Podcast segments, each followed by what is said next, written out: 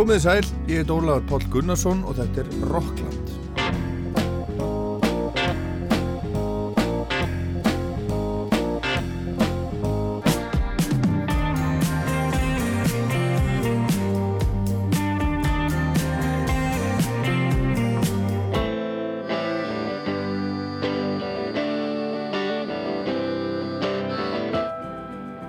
Í síðasta þætti, fyrsta Rocklands-þættinum eftir Landfrí fjallaði um Sinead O'Connor sem að lést í sömar á heimili sinu í London.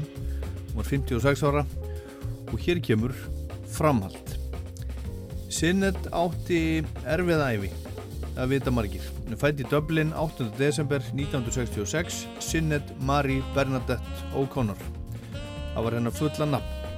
Fóreldrarnir strángtrúaðir katholikar, sérstaklega mammenar Fóreldrarnir skildu þegar hún var 8 ára, börnin 5 urði eftir hjá mömmunni sem var ítla stödd andlega, ábyggil alla tíð, hún beitti börnin sín andlegu og líkamlegu ofbeldi, lamdi sinnett og sparkaði hana. Pappin fekk forræðið yfir börnunum þegar sinnett var 13 ára og þá fóruðu öll nema yngsti bróðurinn sem þorði ekki að fara frá mömmu sinni vegna þess að hann var einfallega hrættur við hana. Sinnet var send á, á vandraða unglingaheimili sem kirkjan rak, katholska kirkjan þegar hún var 15 ára. Þar var hún í átjármánuði og þar var ekki allt fallegt sem hún uppliði. En þar fekk hún samt gítar í hendunar og tónlistarkennarinn hennar þar gaf henni bók með lögum, tekstum og hljómum Bob Stillan sem var ídóleðinar frá æsku og hún fór að spila og syngja, söng svo í brúðköpi tónlistarkennarans, lag sem Barbara Streisand söng í gömlu A Star Is Born myndinni og það var til þess að henni var búið í hljómsveit sem var til þess að henni bauð svo plötusamningur og þar með fór boltinn að rúla. Og þetta leit nú allt þokkarlega vel út í upphafi ferilsins en Sinnet vildi ekki láta setja sig í boks, vildi ekki vera svona eða hins egin eins og músikbransin vildi hann væri, hún vildi fara sínar eigin leiðir hafði ekki áhuga á að vera popstjarnasáðun, heldur vildi hún bara fá að öskra, vera listamadur. Og vegna þess hvernig hún var samansett, lendi hún í alls konar vandraðum á lífsleiðinni. Lífið var bara ansi torfarið. Hún eignaðist fjögur börn með jafn mörgumönnum, misti eitt í fyrra og sjálfsvíi, soninn Shane sem var 17 ára Hún giftist fjórum sinnum og þar af þremur mönnum sem hún átti ekki bat með. Hún þurfti að díla við, við hrikalegt þunglindi stundum á lífsleðinni, uh, mest síðust árin kannski og hún reyndi nokkru sinnum að enda lífsitt. En því líkur töffari sem hún var þessi litla kona, rétt sín baráttu kona, ótrúlega merkilegur listamöður en oft veik og það var ekki alltaf hlustað á það sem hún var í raun að segja. Margir vissi ekki hvað hún var að tala um en margir reyndu líka að eigða því sem hún var að reyna að segja, reyndu að þakka niður henni. Og ég sagði í þættinum fyrir viku frá því að hún hafi afþakkað grammi tilnefningar og verðlaun fyrir plötuna I Do Not Want What I Haven't Got sem kom út 1990 og hefur að geima ofur smellin Nothing Compares to You, það er önnur platan hennar og ég sagði líka frá því að hún hefði afþakkað og ekkert sérstaklega kurtislega að koma fram í þættinum, sjónvastættinum Saturday Night Live vegna þess að gesta umsjónamaður þáttar eins um það leiti var Andrew Dice Clay alþektur svona karlrembu brandarakall. Hann bjóti karakter sem að, sem að kallaði Ford Fairlane og hann var stórstjarnar á þessum tíma Andrew Dice Clay. Hann var til dæmis fyrsti grínisti sögunar til að selja upp tvö kvöld í röð í Madison Square Garden sem sagt 36.000 miða og Sinnet sem sagt afbókaði komu sína í Saturday Night Live í mótmælaskinni. Hún vildi ekki verið í sama þætti og Andrew Dice Clay eða í þætti sem að, sem að hann var í líka þó að vera ekki sami þáttur en nákvæmlega. En tveimur árum setna þá fegst hún svo til að koma. Þá var hann að fylgja eftir næstu plötu á eftir plötunni sem hefur að geima Nothing Compares to You, plötu sem heitir Am I Not Your Girl, þar sem hún syngur uh, gamla standarda og uppáhaldslög, allt öðruvísi plata heldur en, en hinn platan sem kom hann undan. Og hún kom fram í Saturday Night Live skömmu eftir þessi þriðarplata kom út. Og þá kom stóra bomban. Hún flutti tvö lög í þættinum. Fyrst þetta hérna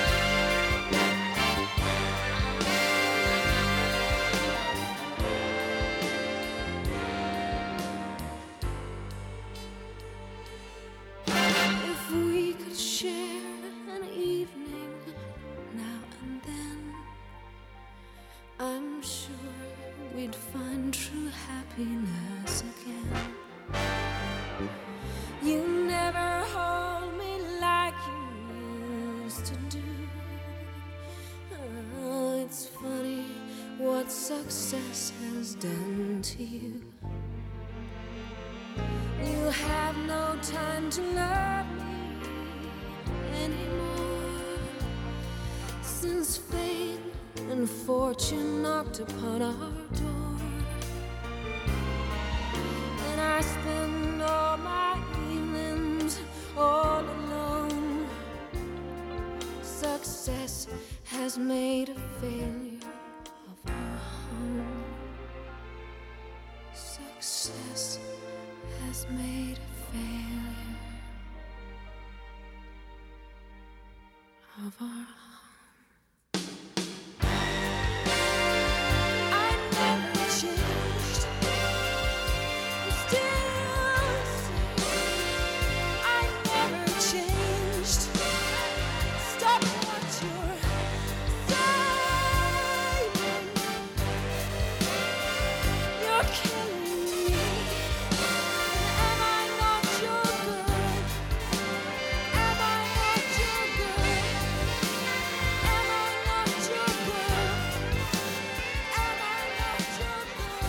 Am I Not Your Girl syngur Sinead O'Connor. Success Has Made a Failure of Our Home heitir þetta lag. Þetta er fyrra lagi sem hún flutti í Saturday Night Live sjónvarsþættinum kvöldi orðlegaríka í oktober 1992 og setna lagið var svo War eftir Bob Marley sem hún flutti alein og án undirleiks.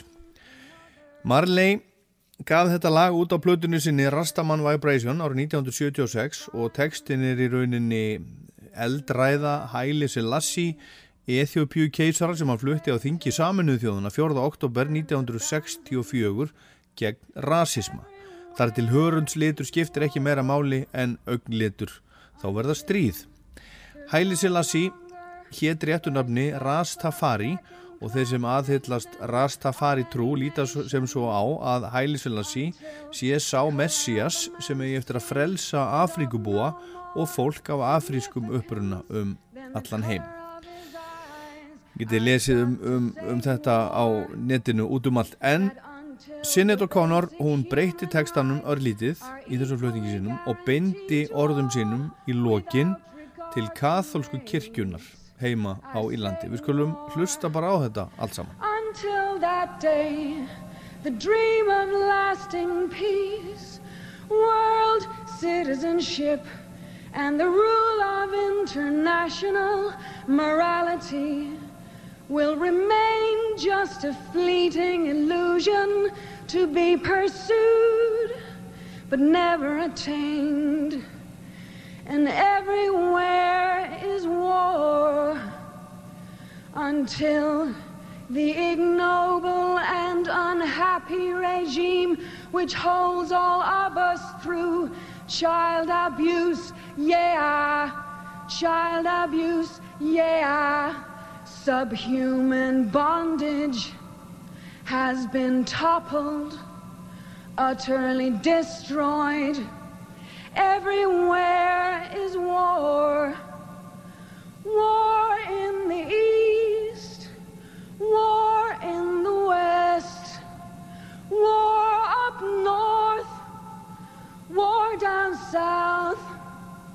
There's war and the rumors of war. Until that day, there is no continent which will know peace. Children, children, fight. We find it necessary. We know we will win. We have confidence in the victory of good over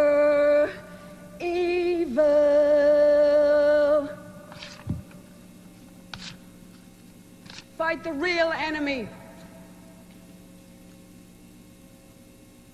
Nú er vond að geta ekki sínt, sínt ykkur hvað hann var að gera. Svona fluttum þetta í beitni útsendingu í Saturday Night Live, Senator Connor, 3. oktober 1992. Berjumst við hinn raunverulega óvinn, sagði hún í loklagsins, tók svo upp ljósmynd af Pávanum í Róm, Jóhannessi Páli öðrum og reyfana. Og það var allt brjálað. Starfsfólkið í þættinum hafði ekki hugmyndum að þetta stæði til. Það var búið að æfa þetta eins og annað í þættinum en í logflutningsins á æfingunum þá held sinnet á ljósmynd af ungum flótamanni, ekki páanum í róm og hún reyf myndina ekki á æfingunni.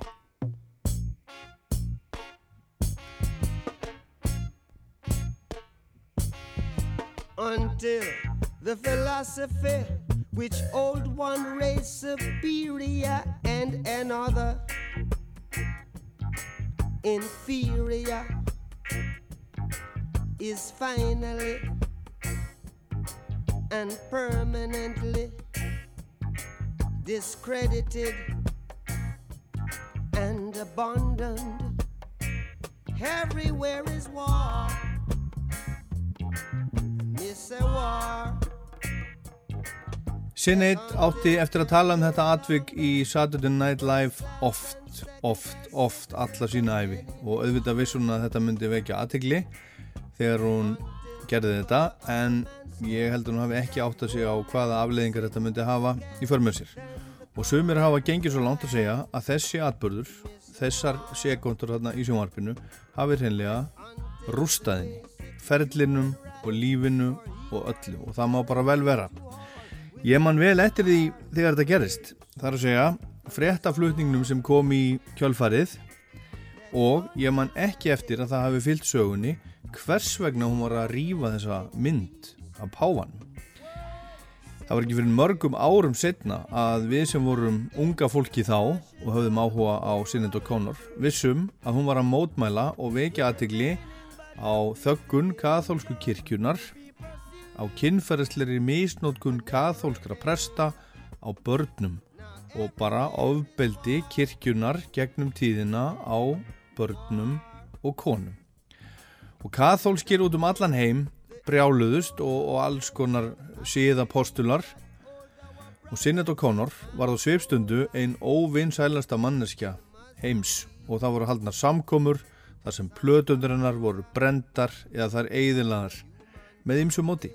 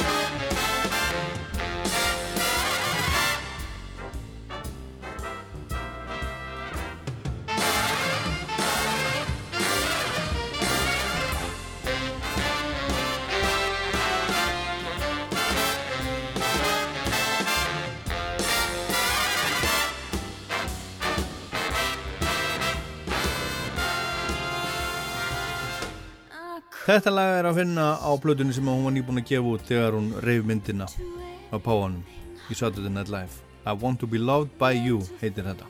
Ég vil að þið elski mig eða þú. En hvað var það svo með þessa tiltöknu mynd sem að hún reyf hann? Þetta var nefnilega ekki bara einhver mynd. Málið er að mamma hennar Sunnet var með mynd af páanum upp á vegg í Svefnherberginu sínu árum saman.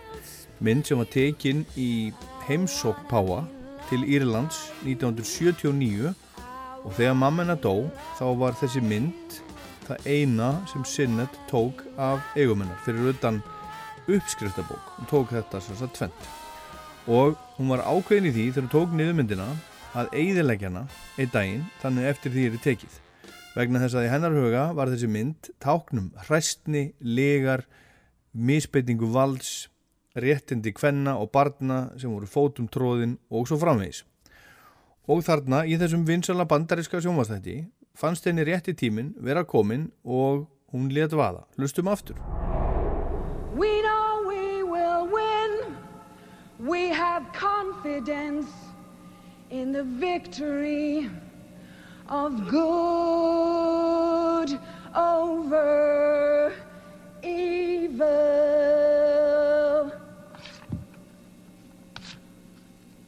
Fight the real enemy. Þetta þótti alveg ótrúlega sérstakt þarna á þessum tíma og margir bara skildu ekkit í því hvað hún var að hvað hún var að pæla, hvað hún var að hugsa. En máli var að þessi unga kona hafði fengið að eh, kenna á katholsku kirkjunni. Hún var mjög trúið alla tíð en hún var vandrað unglingur eins og framöfu komið. Hún var stelsjúk og uppreysna gjörn og var sendt 14-15 ára gömul á upptökuheimili sem kirkjan rak. Og var þess tíma útgáfa af Magdalenu þvóttahúsunum allrændu sem kirkjan rak. Og hafa verið skrifaður um bækur og gerða bíómyndir og sjónvastættir og allt mögulegt. Og konurnar voru þarna eins og, eins og fangar. Og sömar voru þarna bara allar sína æfi, komu ungar konur en uh, bara eittu æfinni þarna. Það var eldgömul stopnun þar sem ímislegt hafi gengið á í gegnum aldirnar og þetta rak kirkjan. Það var farið ítla með margar þessara kvenna sem að enduð þarna til dæmis fyrir það að eignast barn utan hjónabands, margar konur eruðu ófrískar á hælinu og margar konur og mörg börn dóu þarna í gegnum tíðina og voru bara jörðuð í kyrþei og það var ekki fyrir enn 2013 að Írski Eurvöld báðust ofinberlega afsökunar á þessu eða fyrirgefningar. Þetta var eitt af því sem að bara viðgekst á sínu tíma, týðgæðist og var bara haldið áfram þess vegna. En okkar kona, Sinead O'Connor, var þarna í átján mánuði um það leiti þegar ég, sem er örlítið yngri en hún, var til dæmis bara að byrja að sækja félagsmöðstöðina á Akranesi sem heitir Arnardalur en hennar lífi var svona einhvern veginn allt, allt öðruvísi í raunin á sveipuðum tíma.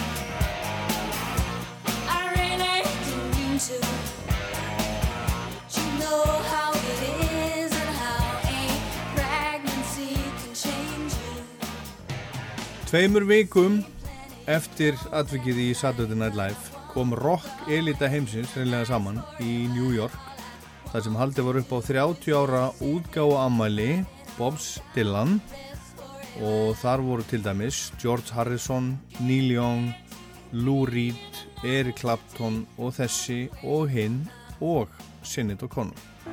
Og hún ætlaði að syngja eitt uppáhaldslægi sitt eftir Bob til heiðurs hetjunu sinni. Þetta er það. They ask me how I feel and if my love is real and how I know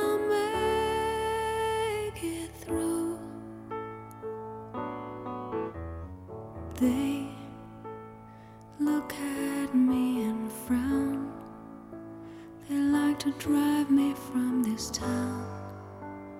They don't want me around. Cause I believe in you.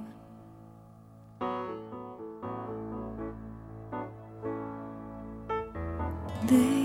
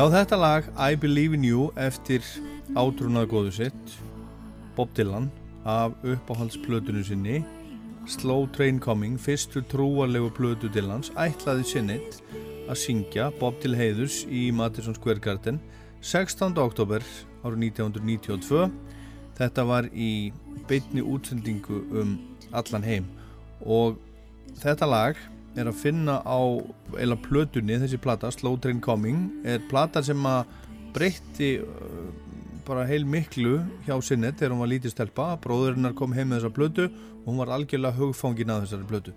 Þannig að þetta fyrir hana var, var uh, stór mál. Það var stór mál fyrir hana að vera bóðið að vera þarna með á þessum merkilegu tónleikum til heiðurs Bob Dylan Chris Kristofferson var kynir á þessum tónleikum og kynnti sinnet á svið All right, I got to tell you, I'm real proud to introduce this next artist whose name's become synonymous with courage and integrity. Ladies and gentlemen, Sinead O'Connor.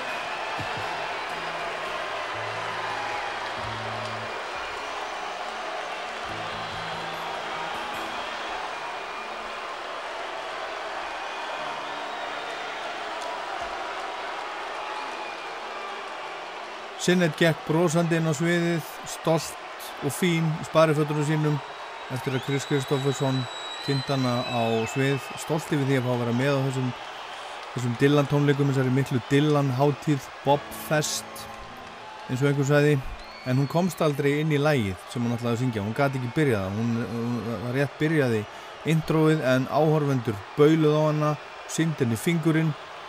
En hvers vegna? Jú, vegna þess að þeir voru bara brjálaðir yfir þessu sem að hafði gerst þarna hálfu mánuð áður í Saturday Night Live þegar hún reif ljósmynd af páanum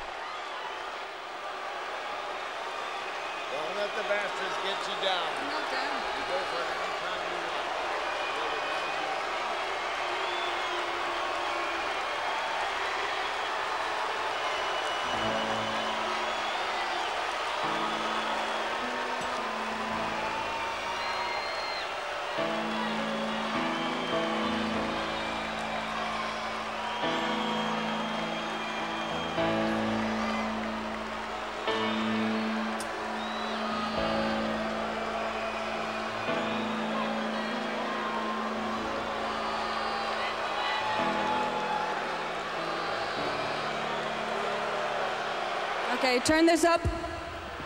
Until the philosophy which holds one race superior and another inferior is finally and permanently discredited and abandoned.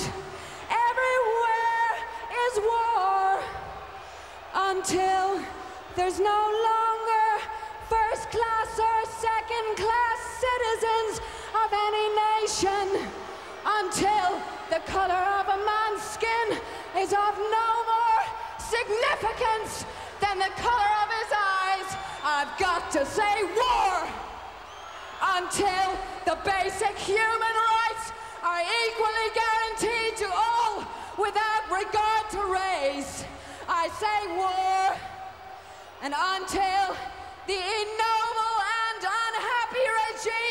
which holds all of us through child abuse, yeah, child abuse, yeah, subhuman bondage has been toppled, utterly destroyed. Everywhere is war.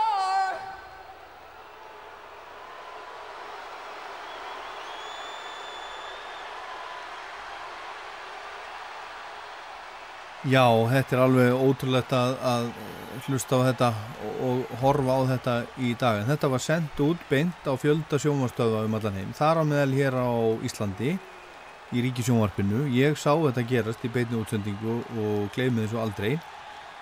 Chris Kristoffersson sem var kynner á tónleikunum kom inn á, inn á sviðið þarna þegar það, það var baulað á hana og, og kvíslaði að henni ekki láta þess að djöbla dragaði niður og hún sagði nei ég gerir það ekki. Og, og svo, svo gargaði hún þetta. War sem hún flutti líka í Saturday Night Live. Og, og svo kom Chris aftur og sótt hana, tók utan um hana og fóð með hana út af uh, sviðinu. Hún, hún gubbaði þegar hún kom niður á sviðinu sáðum við setna en tónleikandi heldur áfram. Heiðust tónleikar Bobs Dylan baráttu söngvarans Dylans þetta voru aðdáendur hans sem bauluðu á ungu konuna frá Írlandi sem var að vekja máls á kynferðis og mannrettinda brotum katholsku kirkjunar Drópin hólasteinin og nýju árum setna gerðist það að Jóhannes Páll Pái annar, þessi sem var á myndinni baðist fyrirgefningar vegna kynferðismisnótkunar kirkjunamanna á börnum og 2018 baðist Francis Pávi Íra ofinberlega afsökunar á framferði kirkjunar. Það er í landi. Senator Connor vakti máls á þessum hryllingi 1992 þegar lítið sem ekkert var að byrja að ræða þetta ofinberlega og hún var hötuð um allan heim fyrir það og það var hleyið að henni og, og fólk kom fram í sjónvarpinu. Madonna kom fram í sjónvarpinu og gerði grínaðinni til dæmis. En svo var þetta bara þetta allt saman satt og rétt sem hún var að benda á. Hún fekk skellin og kannski og líklega er þetta það atvik sem skemmti fyrir henni allt sem á eftir kom, allt lífið. Fjölmiðlar sögðu frá því hérna eftir að hún ætlaði að hætta í tónlist. Hún fekk ótrúlegt magn af hatursbrefum, heilu uh, bara ruslapókana af hatursbrefum, morðhótanir og svo framvegis og svo framvegis. Og þetta, þetta rústaði fjölskyldunennar hjónabandið fór í vaskinn. Hún flutti heim til uh, Dublin en síðan var því haldu fram að hún hefði farið þongað yngungu til að læra óperusöng Hún leik hlutverk Ófelíu í leikús uppfæslu af Hamlet heima í Dublin og fór svo með Peter Gabriel sem var ástmaðurinnar um tíma, kærasti og vómat faran tónlistarháttíðin í, í tónleikaferð. Þetta var einhvern veginn að, að halda áfram. Og svo sendum frá sér blödu sem heitir Universal Mother árið 1994, frábæra blödu og þrátt fyrir góða dóma þá seldist hún ekki vel og Sinead O'Connor var bara alls ekki sama stjarnan og hún hafi verið áður What else should I be? All apologies What else should I say? Everyone is gay What else could I? I don't have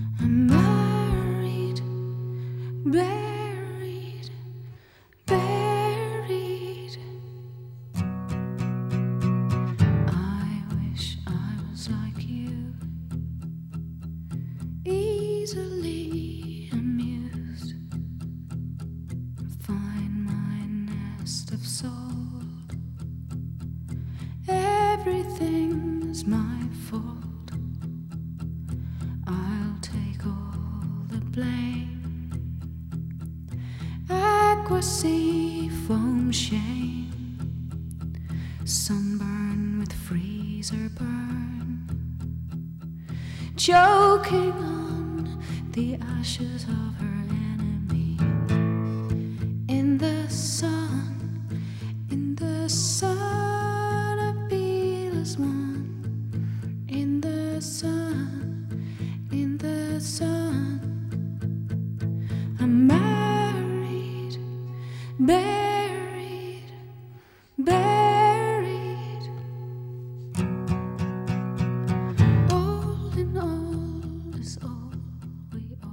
all. Velgert hjá henni að syngja þetta.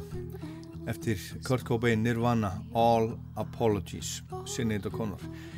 Ég sá hann að spila á Glastonbury hátíðinni á Englandi þannig bara rétt eftir þetta í raunni 1995 árið eftir að Universal Mother kom út á stóra píramítasviðinu minnir mig, eða hvort það var svið nummer 2 sama dag og uh, Jeff Buckley og PJ Harvey spiluðu það líka, þau voru þrjú hann bara í röð Jeff Buckley, PJ Harvey og Sinead O'Connor.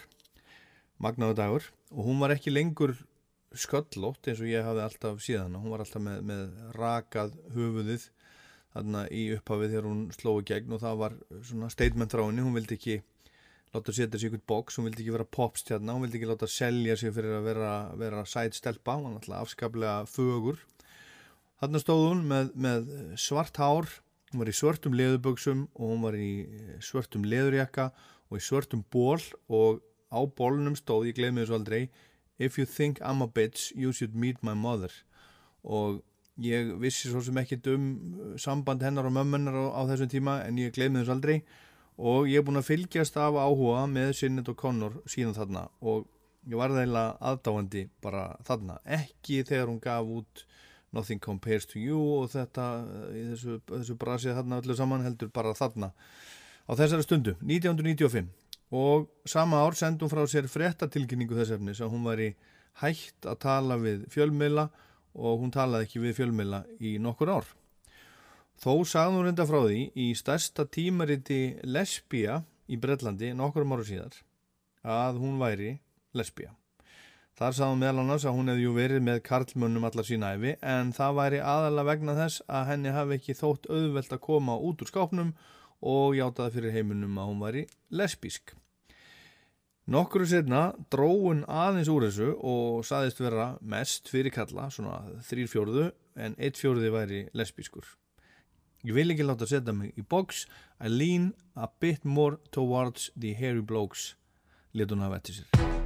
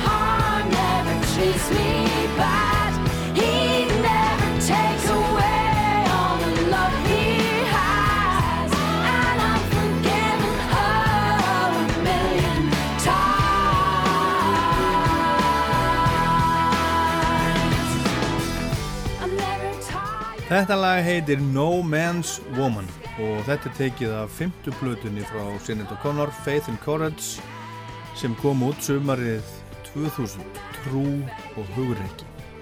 Það voru svona hugtök sem að, að einnkendu hana í rauninni alla tíð. Hún var bæði trúið og hugrokk, kom til dýran eins og hún var klætt alltaf, sagði það sem að henni var mál að segja þó svo það yrðinni til skada. Og það er svolítið merkilegt að allt sem ég hef séð og lesið um hana þó hún hafi verið svona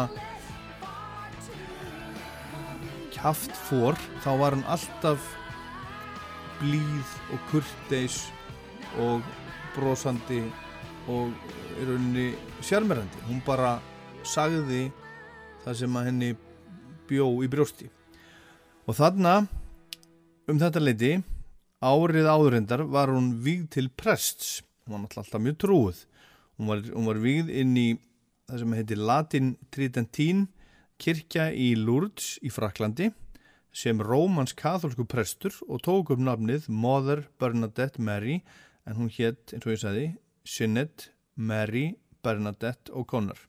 Og þessi kirkja hún var ekki eh, hluti af, eh, af eh, kirkjunni í Róm. Þannig að hún var, hún var komin þarna, þarna inn. En það næsta sem hún gerði í músík var plata sem heitir Sean Knows Noah sem er gilíska ég veit ekki hvort að ég hef sagt þetta rétt en þetta þýðir New Old Style. Og þar syngur Sinead O'Connor írska standarda eða þjóðlög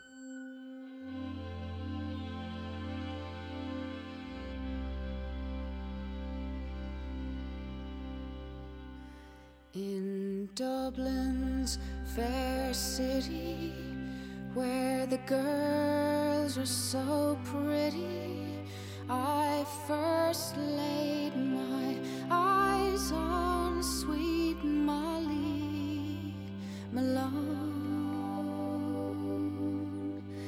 As she wheeled her wheelbarrow through the streets broad and crying. carcass and muscles alive, alive.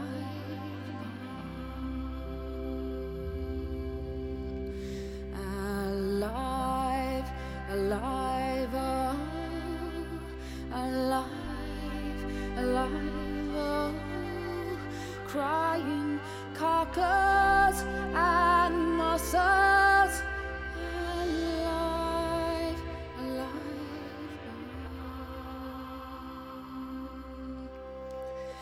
She was a fishmonger, and sure 'twas no wonder, for so was her father and mother before, and they all wheeled their barrows through the streets, broad and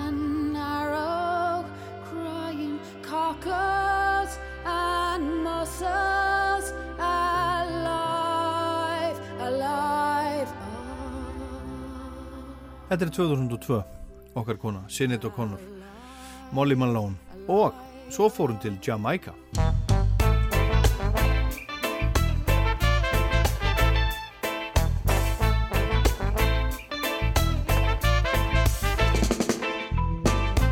Marcus Garvey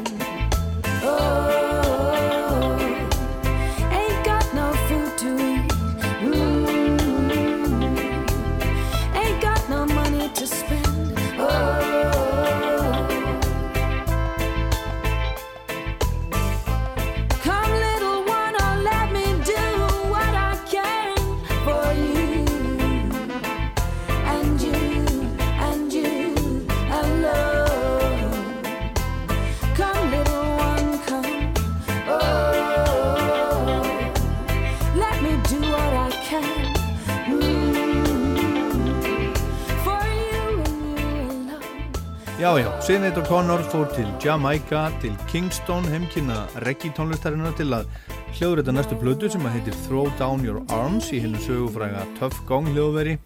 Platan kom út 2005 og hún inniheldur gamla svona roots reggae slagara eftir menn og hljómsveitir eins og Burning Spear, Peter Toss og Bob Marley en allt er þetta fólk sem hafði haft mikil áhrif á sinnet og hennar líf. Oh, I've been in love with these songs for like since I was about 17, which is slightly more than 20 years ago. When I first moved to London, I, I my manager was crazy about reggae and he, used to play all these records and then he used to hang out with a guy who ran a radio station called the Dread Broadcasting Company. And he had a stall on Portobello and he used to play all these records and all and I fell in love with them kind of at that point. And I've been kind of driving around in my car screaming them ever since.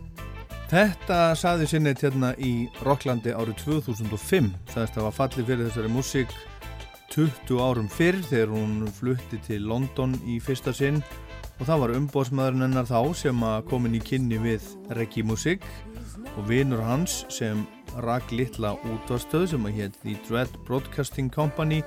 Og allar götur síðan þá segist hún að hafa kert um og, og öskraði þessi lög og það má eiginlega segja að á þessar plötu fleiti hún rjóman ofan af reggi sögunni þetta er allt svona reggi slagarar To me, I guess it's more their roots anthems. It's kind of like, as such, I wouldn't necessarily want to call it a reggae record, but it's much more of a Rasta record, a roots record, if you like. So there are definitely some major, you know, Rasta anthems. Sinet sagðist ekki beint vilja kalla þetta reggi plötu heldur miklu frekar roots eða rasta plötu þetta væru rasta lumur og þeir voru ánaði með hana reggi kallarnir í Kingston In Jamaica, it's a compliment to say that a woman is tough, whereas over our side of the world, it's more of an insult. You know, the thing about these songs, which I also like, is that they're they're traditionally they're man's songs. In the Rasta world, the women sing peaceful songs about love and everything, Um, and the men sing the kind of warrior, spiritual soldier tunes.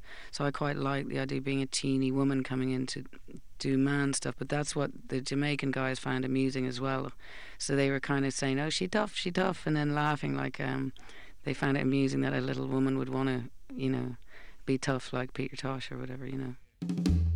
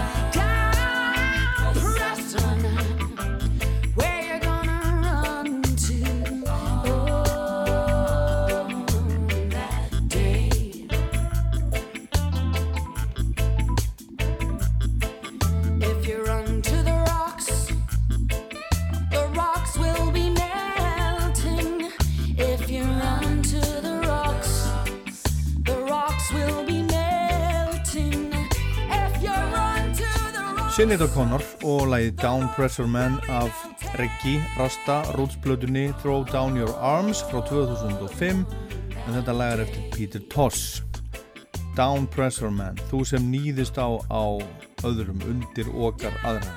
Where are you gonna fucking run to segir hún. Kallarnir sem hún vann með á Jamaica sögðum hana, hún var í, í töff eða hörð sem sé mikið hól á, á Jamaica sá hún og hún sagði líka að þar fyrir utan þá væri þetta, væri þetta mikil svona karlalög sem hún var að syngja á þessari plötu þar sem ég hefði fyrir því í Rastafari heiminum að konurnar syngi bara um ástina og það sem sé fallegt en kallarnir sjá um svona stríðs og baráttu söngvana og þeim fannst það bara fyndið og skemmtilegt að hún, þessi litla kona sem hún var, væri að syngja þessi lög. Við höldum áfram með Sinnit og Connor hérna rétt á ettir, heyrum meðal annars brot úr, úr viðtali sem að ég átti við hana þegar hún kom yngan til Íslands 2011 og við heyrum líka John Grant um hana og ímislega fleira.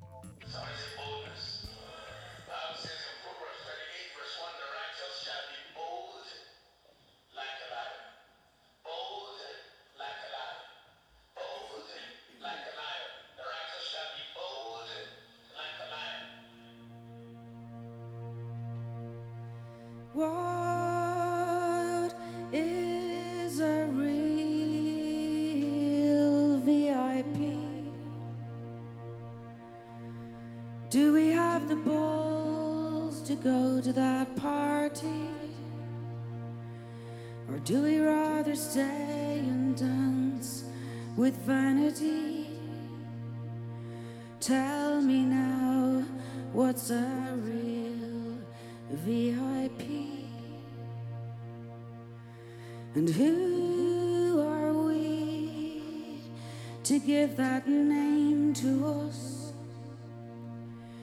when we don't know the lives of others? When we can barely raise a finger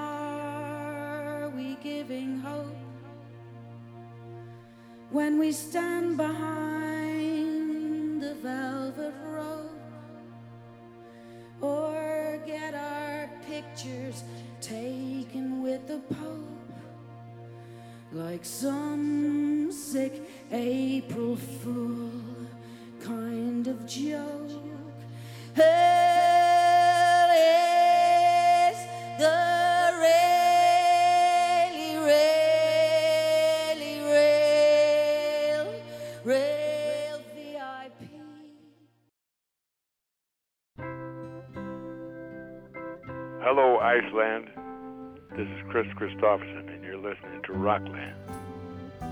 Jesus, my soul's in your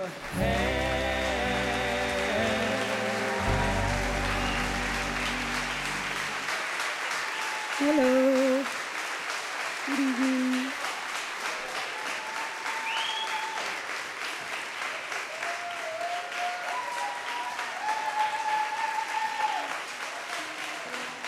This is switched on, yeah? Thank you. Now, isn't this a treat to get to be on the altar? So I'm going to be very, very naughty. Just turn it up tiny bit, will you? And say, which I've never been allowed to say in an altar before. Thank God I'm far enough away from my own country to get away with that. In nomine Patris et Filii et Spiritu Goddam Sancti Dominus Vobiscum.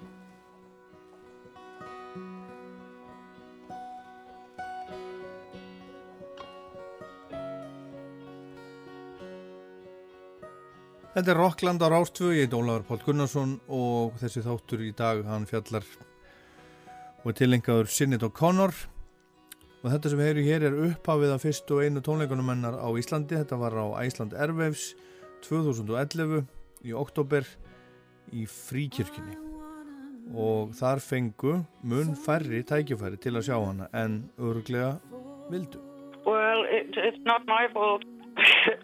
You know, uh, I don't. I'm not in charge of booking the places or any of that kind of stuff. But I'm, I'm sure I will want to come back. I'm sure it won't be the first or last time that. I, well, it will be the first time, but it won't be the last time I'm playing there. I'm sure. So. Are Yeah, you, It's just that the festival or um, that's the venue that they booked. yeah. you know. Are you are you coming to are you are you going to uh, you know look around are you going to uh, see some of, of the Yeah, definitely. Yeah. Það er ekki mér að kenna að ég er að spila á, á svona litlum stað sagði, sagði Sinnett við, við spjöldluðum saman í mér bauðst símaviðtal við hann að skömmu áður en hún kom hingað til Íslands og planið var alltaf að, að koma bara aftur og spila þá á stærri stað sagði hún og hún sagðist alltaf að reyna að líta þessi kringu sig hérna og ég veit svo sem ekkert hvað varð úr því, hvort hún, hvort hún náði því And, and did you know, Sinna, that, that our genes, they are quite a bit Irish? Oh, really? Yeah. No, I didn't know that. 70% of the female genes of the, of the people in Iceland are from Ireland. Christ. Well, the, the Iceland men must be very bloody sexy then if the Irish women were prepared to freeze their butts off together. They are from Norway. The uh, male genes are from Norway, and, and they were, you know, criminals from Norway that, that, that, that went to Ireland and stole their women. Oh, excellent. I- think every woman wants to be stolen by a big hairy man, don't they? Já, hver vill ekki láta stóran loðin Karlmann ræna sér, saði Sinnettir í saðinni frá uppruna, uppruna Íslandinga. Norskir vikingar, ljósærðir villimenn og glæpahundar frá Noregi komu við á Írlandi og rændu þar. Konum fóru með þær hinga til Íslands og eignuðust með þeim börn. Þetta er allavega svo saga sem okkur er kent og undan þessu fólki erum við svo komin. I'm not no red football to be kicked around the garden. No, no. I'm a red Christmas tree full. Oh, I want you to do that line first. And I'm fragile. I'm not no animal, though I am to you. Sorry. I'm not no crocodile like the one in Dublin Zoo who lived in a cage the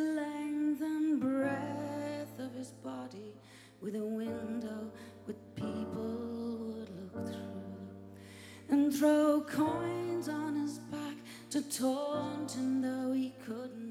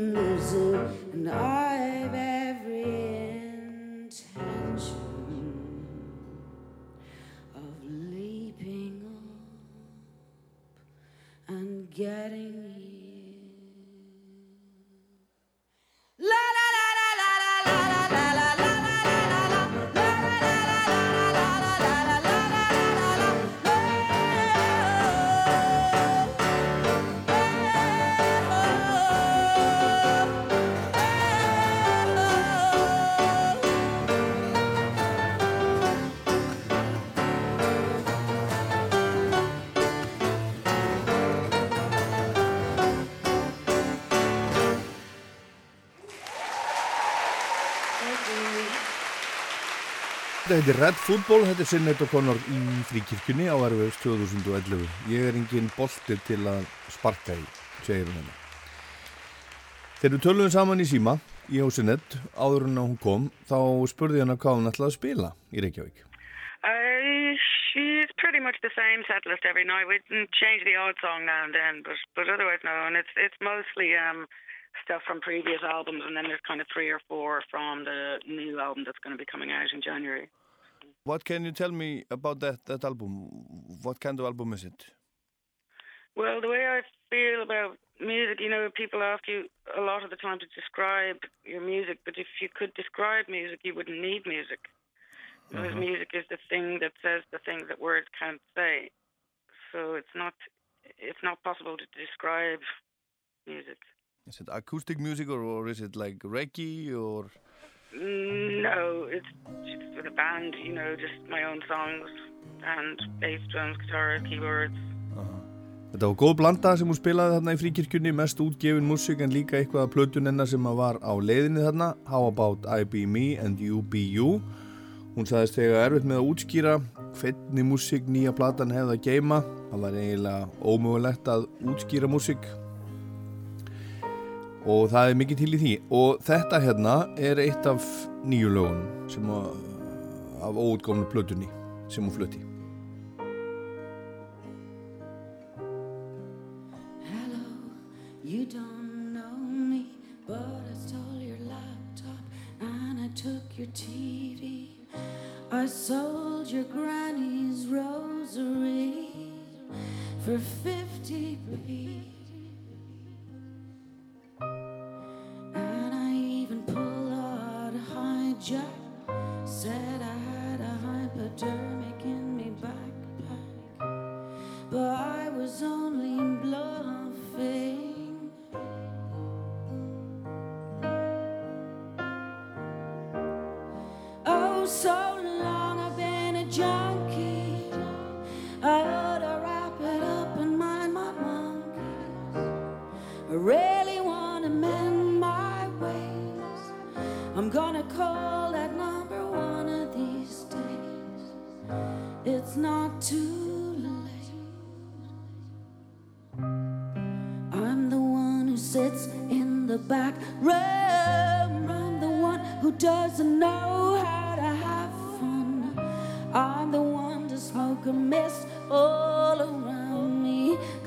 Don't want no one around me.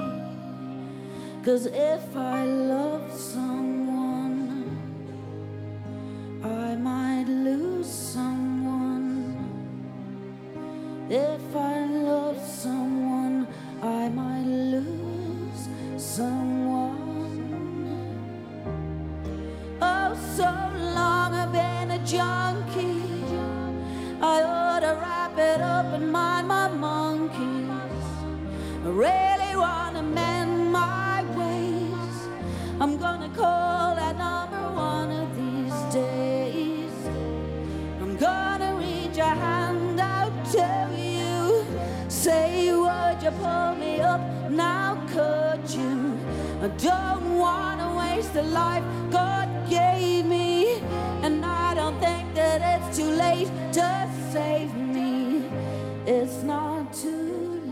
Sinnett í fríkirkjunni 14. oktober 2011 lagið Reason With Me I'm gonna reach a hand out to you Say you, would you pull me up? Now could you? I don't want to waste the life God gave me And I don't think that it's too late to save me Reason with me Let's reason together Hér syngur Sinnett um ógæfu fólk, þunglind ógæfu fólk sem vill alls ekki vera á sínu vonda stað. Og það allar einn daginn að ringja í símanúmerið sem það er með og byggja um hjálp. Vill ekki sóa lífinu sem Guð gaf því. Reason with me. En þá er það Jeanette og Bob Dylan. I read your open letter to to Bob Dylan. Right. which I thought was was quite funny that, that you wanted to sing with him and, and Mark Knopfler. Yeah. Has he has he uh, replied to you No. I wasn't really expecting him to, but no. But you know, know Bob, isn't it? No, God, no. I mean, I've uh, met him very briefly a few times, but I've never really had a, a conversation with him. or anything. I I don't know him at all, really, other than to say hi to me. But I love him. Já, hún sinnet, hún elskaði ekki bara þá feðga Guð og Jésu, heldur líka Bob Dylan, sem hún þekkti ekki, þannig lagað, sagði hún þó hann hafi hitta nokkur sinnum í stuttastund og hún skrifaði hann um opið bref á blogginu sínu þarna, 2011, skömmaður hún kom til Íslands, sem er fannst svolítið fyndið. Hún sagðist vilja syngja með honum og Mark Knopfler þegar þið kæmu til Dublin, þeir voru sem sagt á, á leiðinni þanga þá og ég veit reynilega ekki hvort hann hafði samband en hann hefði að mista kosti átt að gera það finnst mér, eftir allt sem var búið að ganga á. Hann hefði geta réttinni hjálparhund á þann hátt og hún elskaði hann eins og hún sagði og hans músík, hann var hennar idol nummer eitt. En þegar Sinnet var hérna á Íslandi hittust þau, hún og John Grant. Eða hvað, skulum heyra hvað, hvað John Grant sagði þegar við spjöldluðum saman skömmu síðar You met Sinead O'Connor here at, at Iceland Airwaves. Well, that's what I heard too. But You, you did not? I didn't know. Okay. Um, Good story there. Yeah, yeah, yeah. I like that story though. Yeah. we actually, you know, she uh, she was having a meeting with for some reason with my label boss. Something about her new album. I think she was looking around for a label uh, to put out her new album. And she wanted to do a cover on the album. And uh, when she heard my song Queen of Denmark, uh, she said, I'm recording that. And then she went and did it. And that was it. And it's on her new album, you know. And um, and she and I met because of that. Uh, You know, uh, she uh, she wanted uh, she needed the lyrics or something like that, and so we started uh, writing each other emails, and that's how we became friends. And then when I went to Dublin to play, um, I went out to her house and we had dinner, and um, and talked and and uh, became friends. And um, And was that uh, before Iceland Airwaves? That was before Iceland Airwaves, yeah. That was earlier in the year, but um, I really like that. Uh, I like that story. You know, it was a, it was a strange thing, her coming here at the same time that I was coming here. It was Mhm. sort of cool because we'd just become friends, Mhm. but we didn't really get to spend much time together because we both, you know, got lots of different things going on, and and um, so it was strange meeting her here yeah. and hanging out with her here. And you you uh, saw her her concert here I did. in the church. Yeah. Yeah. Well, she uh, invited me to come to her sound check, which was, well, that was an amazing day for me. That was one of the best days of my life. I mean, as a 43 year old man, I'm saying to you right now, that was one of the greatest days of my life. And at the end of that day, I was a little bit shaky because I went to uh, I uh, I went to Biggie's house that day. I forgot about that.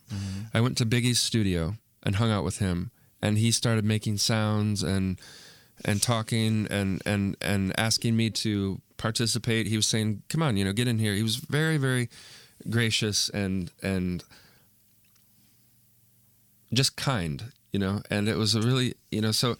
And then after hanging out with Biggie uh, Vera, you know, for a couple of hours, then I was invited to Sinead O'Connor's uh, um, sound check, and then I went to see her play that night, and um, that was quite a day for me. I mean, you know, I I never I never saw any of this happening. You know, Mhm. so John Grant og Sinnet kynntust ekki á Iceland Airwaves 2011 en þau hittust hérna og John var á tónleikunum hennar í fríkirkjunni og hann sagði þarna að þessi dagur þegar Sinnet spilaði í fríkirkjunni hafi bara verið eh, besti dagur lífsans á þeim tíma. Ég er 43 ára og þetta er eitt besti dagur lífsmins, sagðan. Hann fór til Bygga Veiru í stúdíóið hans, var með honum og, og kynntist honum í rauninni þennan dag, hitt hann svona almennilega í fyrsta skipti og byggja átt eftir að vinna mikið með John og stjórna upptökum á næstu blödu hjá honum, Pale Green Ghosts sem að koma út 2013 og svo eftir að hafa verið með Bygga í nokkar klukkutíma var honum bóðið, John, í hljóðpröfuna hjá Sinnet í fríkirkjunni og svo voru tónleikandur um kvöldið. Þetta var magnaðu dagur, saðan.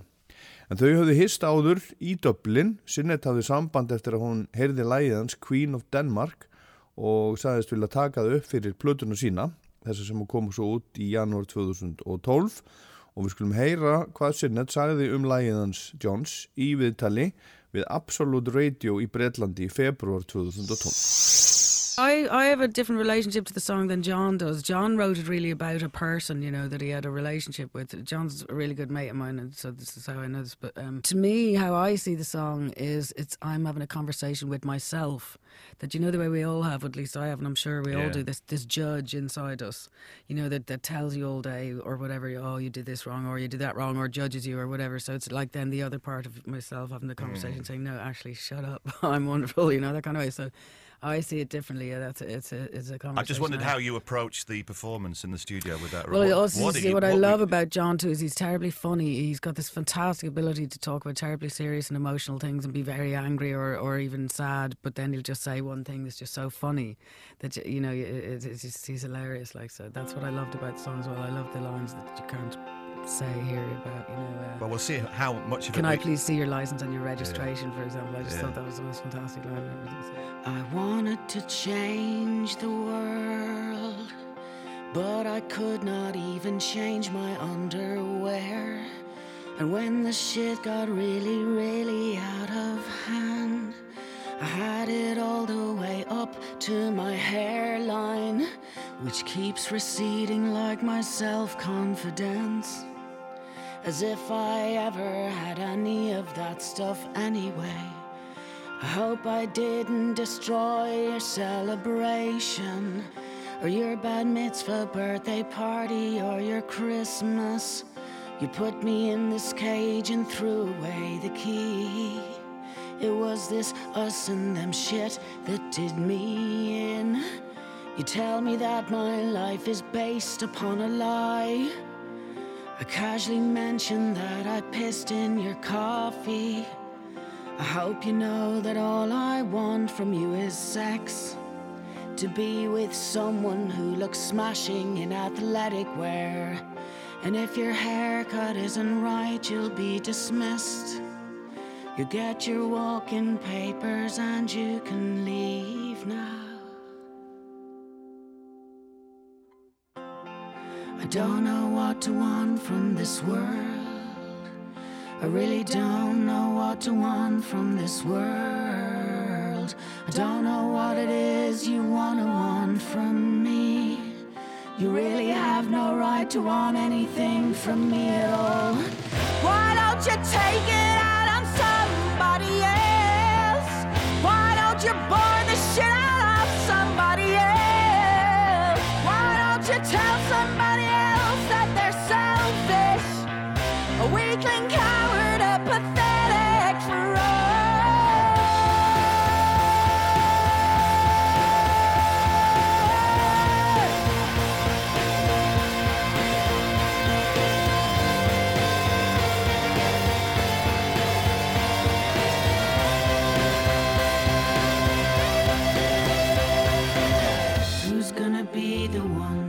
save me from myself?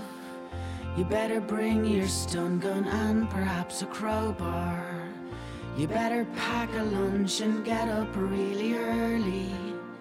And you should probably get down on your knees and pray. It's really fun to look embarrassed all the time. Like you could never cut the mustard with the big boys.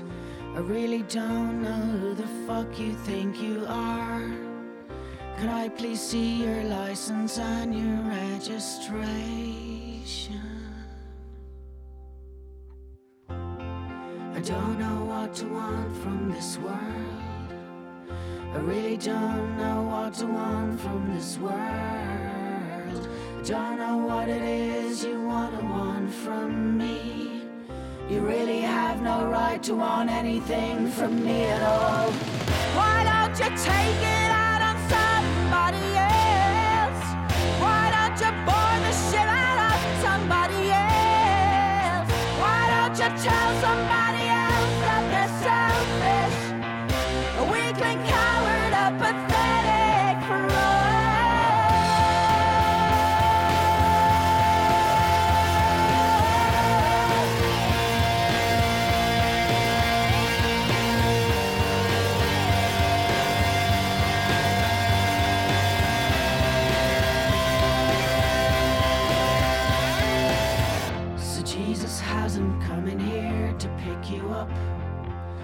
You'll still be sitting right there ten years from now. You're just a sucker, but we'll see who gets the last laugh. Who knows, maybe you'll get to be the next queen of Denmark. Sinead O'Connor og lægjans Johns Grant sem fjallar um þunglindi og lífið en á svolítið fyndin hátt, hárbeitt en fyndið í leiðinni svona gráglettið. Þetta lag sem það tengdi þau saman, Sinead og John Grant og One Little Indian gaf plötuna út, plötufyrirtækið sem hefur gefið út Björk og Sigurmólana og Áskir Trösta og, og Ólöfu Arnalds og fleiri og Árni Margreti og ég spurði John fyrir áratug þegar við töluðum saman hvernig hún þætti þessi útgáfa sinnet af læginast þegar lægi var nýtt Well, you know, I, I, I can't, I, I love it. I don't think there's any way that it could have been any different.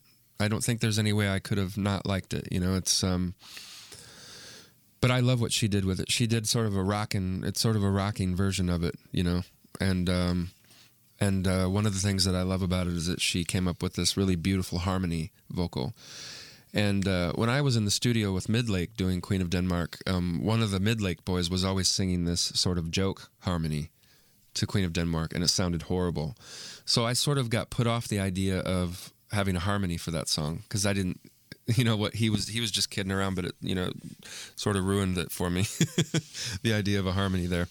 But uh, you know, she's very good at that, and she came up with this harmony, and uh, it's really beautiful. So it really works. And uh, I have to say, I I uh, I had to cry a little bit the first time I heard it because it was uh, it was sort of emotional for me, you know. Sinnet gerir þetta frábærlega, saði John Grant þarna. Hann hefði alltaf verið aðdáandi og þetta er bara frábær saðan og þegar hann heyrði þetta í fyrsta skipti hann að syngja læðins þá, þá segist hann að var grátið örlítið. En Sinnet fór í tónleikaferð um bandaríkinn hérna árið eftir sem hún kallaði The Crazy Baldhead Tour. En hún var oft kölluð klikkaða sköllótta söngkonan frá Írlandi. Fjölmeilar töluð oft um hana eins og hann væri bara klikkuð. Klikkukelling og ekki bara fjölmeilar það var alls konar fólk sem að sagði það. Hún væri bara klikkuð. Síðasta platan hennar kom út fyrir nýju árum. Hún heitir I'm Not Bossy, I Am The Boss. Og það er lag sem að heitir Take Me To Church I don't wanna love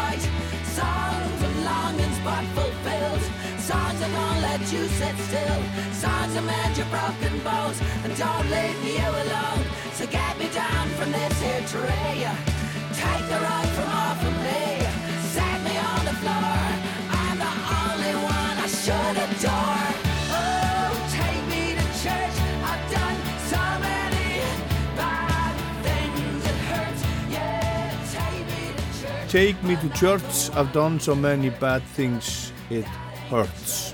Take me to church, but not the one that hurts. Get kallar hún á hjálp, ég get ekki meir, ég get ekki lengur verið svo sem ég hef verið, ég vil vera ný. Ellen Kristjánsdóttir, kynntið sinnet lítilega fyrir áratug. Það var árið 2013 sem að ég heitti Connor. Það var gamlarskvöld heimi á bróðu mínum. Hann er alltaf með, við komum öll saman þangað, nokkra fjölskyldir og, og borðum saman og fagnum nýju ári. Og John Grant ætlaði að vera með okkur þetta kvöld og ringdi í mig og spurði hvort það mætti koma vinkonu sína og börnin hennar þrjú. Og auðvitað var það bara velkomið. Það er oftast þannig að það bætist ykkur í hópin frá útlöndum eða frá eitthvað stað frá og allir velkomnir. Svo ringdi hann aftur og sagði um, þetta er hún Sýnda Conner og bönnin hennar og ég sagði bara vá, frábært. Svo komum við þau og hérna og við vorum sérst ansi mörg hérna og krakkarnir voru að tala við krakkana hennar, það var allir svolítið feimnir en annars rosalega bjart yfir henni svona bara ég var einmitt að hugsa svona á góðum stað. Og hérna talaði við alla og fannst maturum góður og strákarnir svo kurtisir og stelpanana líka sem var þá unglingur eða svona ung kona. Og strákarnir mjög sætir. Síðan hérna hún fór út allavega út í garð svona einu svona tvís var að fá sér síkardi hún vildi að afsaka það, hún reykti svolítið mikið. En hún leitt bara mjög vel út og, og já eins og ég sagði að hann bara mjög bjart yfir henni. Og síðan um, hefur svona venju, það er svona venja hjá okkur að syngja alls saman. Imagine, þannig að við tókum það lag og öll og þau bættist í hópin svo sett um, börnin hennar og, og hún sjálf og John Grant. Og þetta sungu öll og mér er sér að minni með að bróðum minn á Seyðisfyrir hafi verið með okkur á FaceTime. Eða í símanum, mann ekki alveg hvernig það var. Og þessi upptakar eitthvað stæði til en það verið gaman að heyra einhver tíman síðan bara leið kvöldi og ég get ekki muna hvort að hún vildi fara upp á hótel til þess að uh, sjá sagt, um, flugöldarsýninguna eða hvort hún var með okkur. Það er sumir sem að sem að minnir hún hafi verið með okkur og hort. Og en allavega, allavega var það þannig síðan þegar hún fór þá spurði ég því að hvort að hérna, hvort ég mætti ég, spurði can I give you a hug? Og hún sagði yeah of course. Og svo fæðumist við alveg heil lengi og ég sagði við hana takk fyrir allt sem var gert í þá mannkjölsis og takk fyrir að vera þú. Og og ég var báðar með tárin í augunum. Það er rosalega stórt móment í mínu hjarta að við fengi, fengi að vera með henni þetta kvöld. Og maður fann það á svo sérstakann hátt og hún svo mikil og stór manneskja. Hún er reyndar ekki um 1.60 og ég er 1.76 þannig að, þannig að ég fann sko ekki fyrir því að hún, hún var einhvern veginn svo mikil en það enda búin að gera alveg ótrúlega hluti og, og mikil frimkvöðl og henni verið sárt saknað og hérna, ég vildi áska þess að hún hefði fengið ekki svona ræðilegar móttökur eftir að hún reif myndina því að það náttúrulega byrjaði allt, allir hryllingurinn í hennar garð. Og ég vildi svo sannlega að hún hefði ekki þurft að fara í gegnum allt sem hún þurft að fara bæðið sem batn og svo og svo sem fullan kona. En blessir sér minningarnar og og hérna já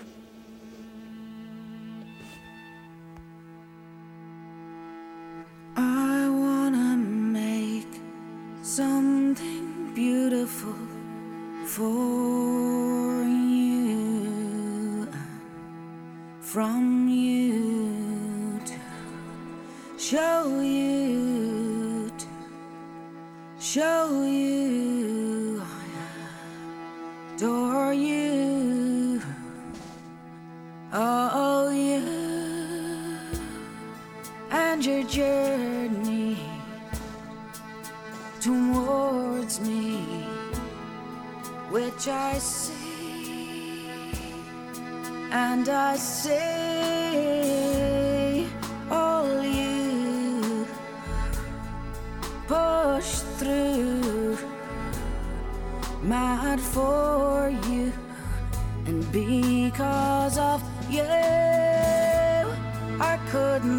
thank you in 10,000 years if I cried 10,000 rivers of tears. Oh, but you know the soul and you know what makes it go.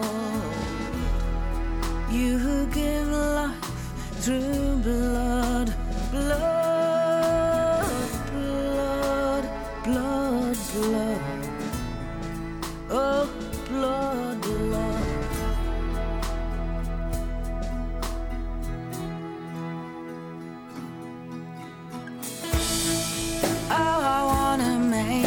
something so lovely for you. Cause I promise that's what I do for you.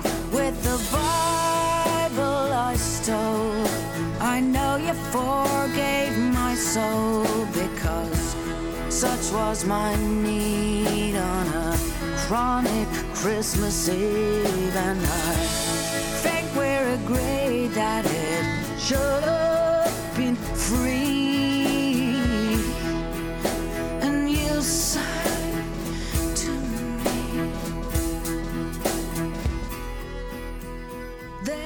Já, Senit O'Connor átti erfitt líf. Fóreldra hennar skildu þegar hún var 8 ára og það var ekki vinsalt upp úr 1970 á katholska Írlandi. Mammennar var geðveik, hugsaði ítla um börnin sín 5.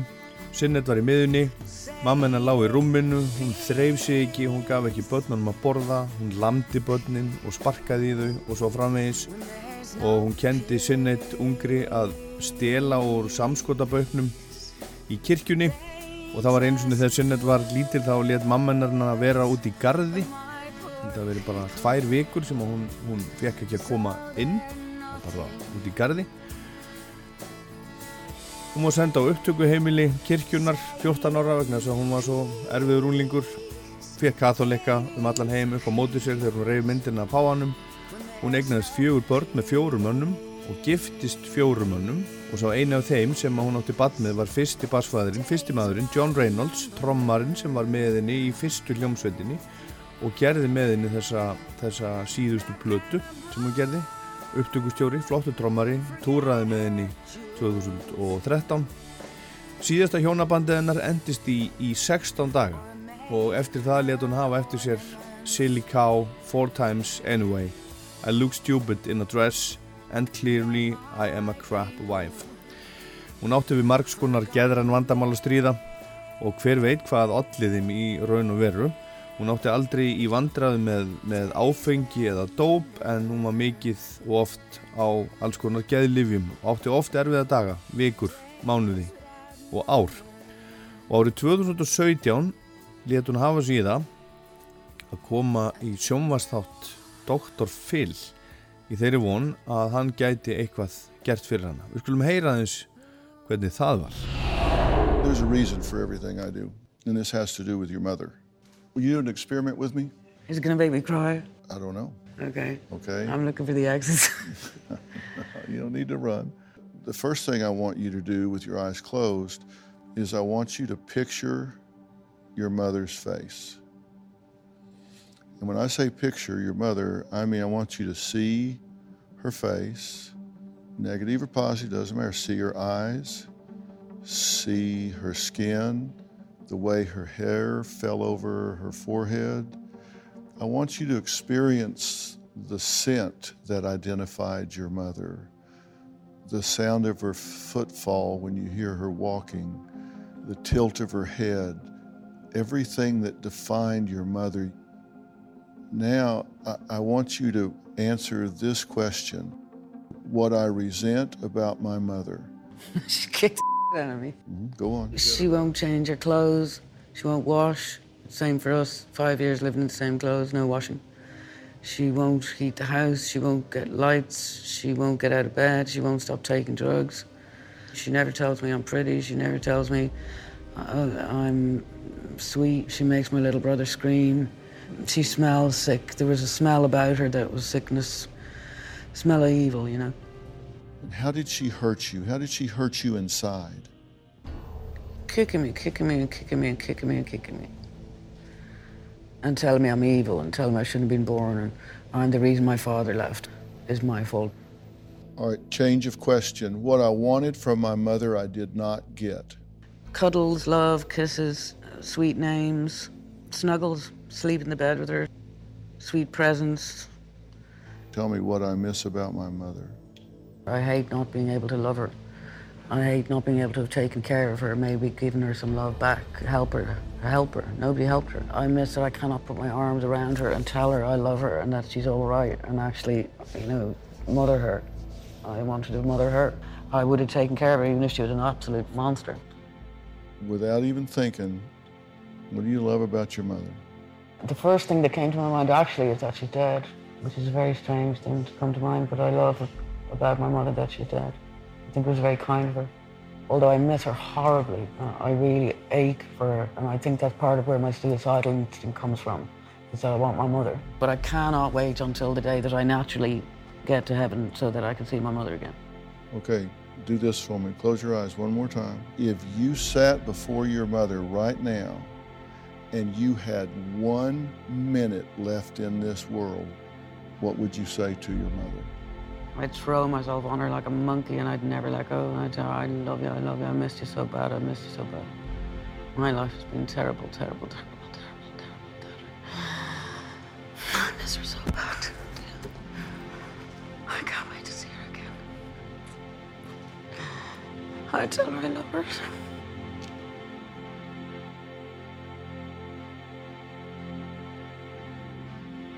It's been seven hours and fifteen days since you took your love away.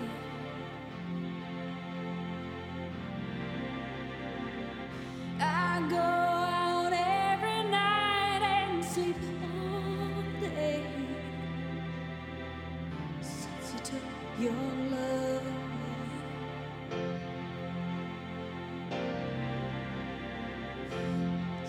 You've been gone?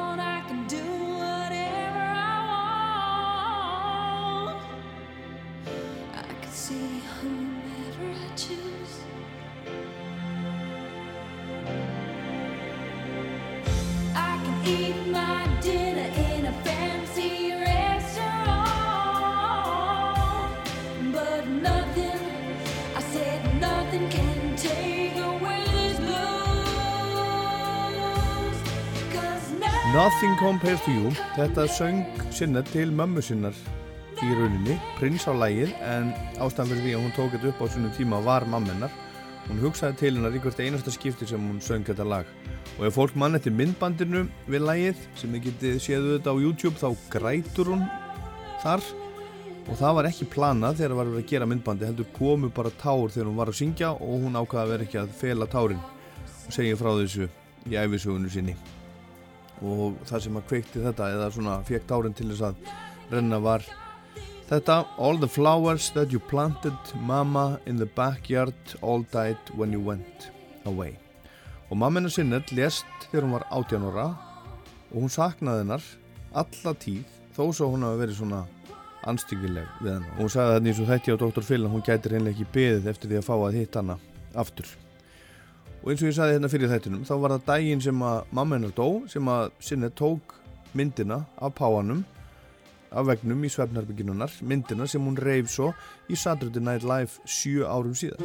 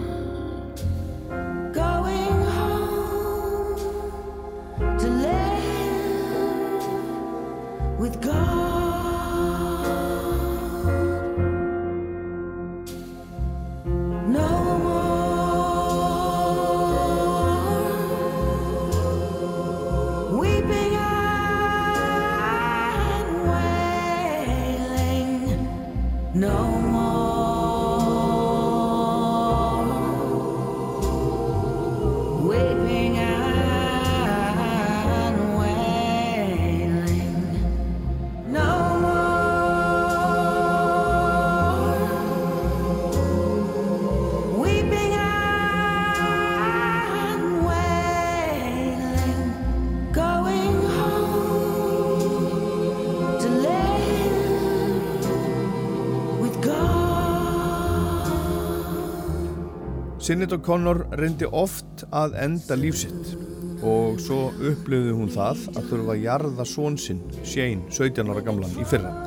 Hún reyndi og gerði eitt og annað í leita betra lífi, allt mögulegt, hún vildi lifa og lifa betra, ánægilega lífi. Hún var oft alveg hrikalega þunglind og let hafa það eftir sér oftar en einu sinni að ef hún ætti ekki börn þá væri hún bara búin að láta sig hverfa. En hún var líka mjög trúið alla tíð þó sem hún gaggrindi katholsku kirkjuna og í oktober 2018 snerist hún til Íslam og tók upp nýtt nafn. Það var eitt af því sem hún, hún var að gera í, í bara leitsinni að, að betra lífi. Tók upp nafnið Sjuhuta David. En hérna syngur hún lagið Trouble of the World sem Mahalia Jackson gerði frækt fyrir mörgum áratugum en Sinead gaf þetta út til styrtar Black Lives Matter samtakonum í oktober fyrir þremur árum. Soon I will be done with the trouble of the world Going home to live with God syngur hún.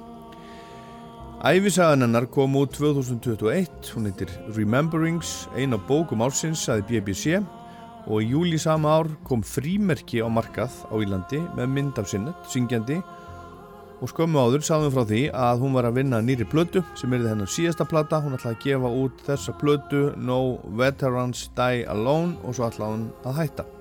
Hún dróði þetta reyndar tilbaka setna og sagði svo frá því hún ætlaði að túra 2022 en í byrjun janúar í fyrra mist hún Shane sinn, augasteinin sinn eins og hún kallaði hann og hann fram til sjálfsmorð 17 ára. Sónur hennar og írska tónlistamannsins Dóna Lönni sem gerði plötuna Mannabart með Eivur í Dublin á sínu tíma þegar Sinnet gekk með Shane og þau voru að hittast. Maður getur ekki eins og byrjað að ímynda sér hvernig það er að, er að missa börnir sín svona og þetta fór mjög illa með Sinnet. Platan var sett í frostöðu þetta en í februar á þessu ári kom út lag með Sinnet sem hún söng og tóku upp fyrir sjónvastættina Outlander. Þetta er titilag þáttana sem er í rauninni skosk útgáfa af gelískum söng frá 1782. Sing me a song of a lass that is gone. Say, could that lass be I? Mary of soul, she sailed on a day over the sea to sky. Mull was a stern, rum on the port, hey, on the starboard bow. Glory, of views, glory.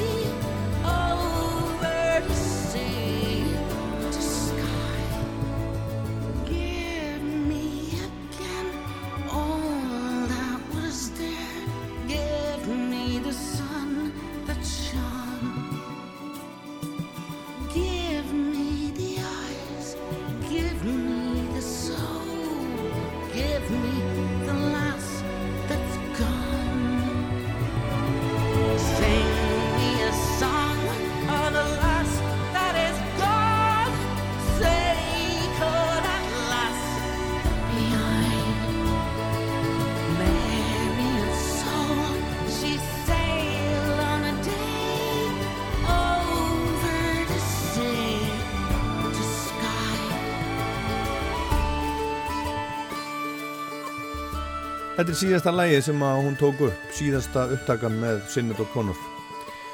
Hún var heiðruð núna í mars heima á Írlandi, hlaut það sem heitir Choice, eh, tónlistavellun Íska Ríkisútarsins fyrir plötunum sína frá 1990, I Do Not Want What I Haven't Got og hún tók glöð á móti þeim velunum.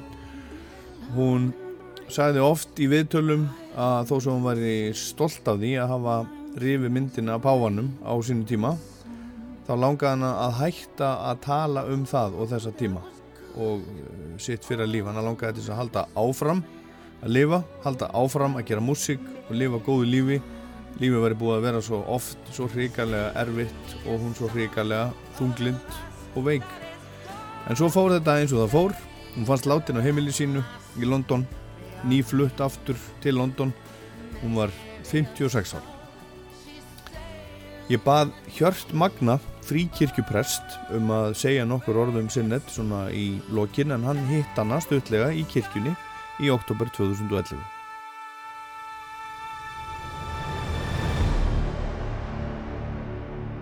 Hinn írska og einstaka Sinead O'Connor var mjög trúuð kona. Hún lærði guðfræði á sínum tíma og hún tók vikslu. Ég á tvær plötur með henni sem bera einfallega titilinn Theology eða guðfræði á íslensku. Verulega tilfinningarík, tilvistarleg og andleg tónlist. Þegar við buðum henni að halda sína tónleika í fríkirkjunu við tjörnina í oktober árið 2011 þá reyndist það vera einstakur tímamóta viðburður. Hún sagði í viðtali við heimspressuna Þetta var í fyrsta skipti sem ég var lift að spila í kirkju. Ég hafði verið beðin um að halda tónleika í sóknarkirkjunni heima til afla fjár. Ég sagðist meira en til í það en presturinn vildi síðan ekki hleypa mér inn. Þeir vildi mig ekki vegna þess að ég hef valdið kirkjunni vandræðum. Þess vegna var afar notalegt að fá loks að syngja í fríkirkjun á Íslandi. Hennar orð. Hún heiðraði fríkirkjuna við tjörnina með einstökum tónleikum sínum þar án þess líklegast að vita af því sjálf. Kirkjuhús fríkirkjunar við tjörnina rúmar mikinn fjölda fólks og hún var verulega þjætt setin. Við í fríkirkjunu við tjörnina erum auðmjúk og æmjöglega þakklátt fyrir það að Sinnit og Conor heiðraði okkur með sinni nærvöru. Veit ekki hvort við höfum gert henni nógu vel grein fyrir því. Hún vogaði sér að gaggrína volduga trúarstofnun sem braut á þeim sem eru minni máttar og misnótaði hina saklausu. Og Sinett var látin líða fyrir það. Hún tók sér stöðu með þeim sem líða, þeim sem brotið er á, þeim sem eru niðurlægðir, þeim sem eru settir utangars og trafkaðir á. Þeim sem eru veikir fyrir á sál, anda eða líkama, Hún kannast sjálf við slíkt. Hún starfaði í anda þess Jésu Krist sem gaggrindi voldugar trúarstofnanir sinnar samtíðar. Gekk um á sínum sandölum og tók sér stöðu með hinnum undirókuðu og kúuðu með konum og börnum sem voru misnótuð eða auðmygt. Öllum þeim sem voru settir utangards og trafkað var á. Í þeim anda vil fríkirkeni Reykjavík starfa því að það er í anda Jésu Krist og í þeim anda leitaðist Sinnit og Conor að lifa og starfa. Ég hef lagt það til að kathólska kirkjustofnunin gerir hann að dýrlingi. Sinnit verðskuldar það betur en margir aðrir á þeim slóðum eru ekki öll sammáli því en litlar líkur er á því. Það er nú það. Takk hjalla fyrir þetta. Ég tek endalust ofan fyrir þessari mögnuðu óhamingisömu konu Hún er einhver mesti töffari rocksögunar, verður fyrirmynd komandi kynnslóða. Hún lengi lifi. Ég heit Ólaður Pól Gunnarsson, þetta var Rockland, takk fyrir að hlusta.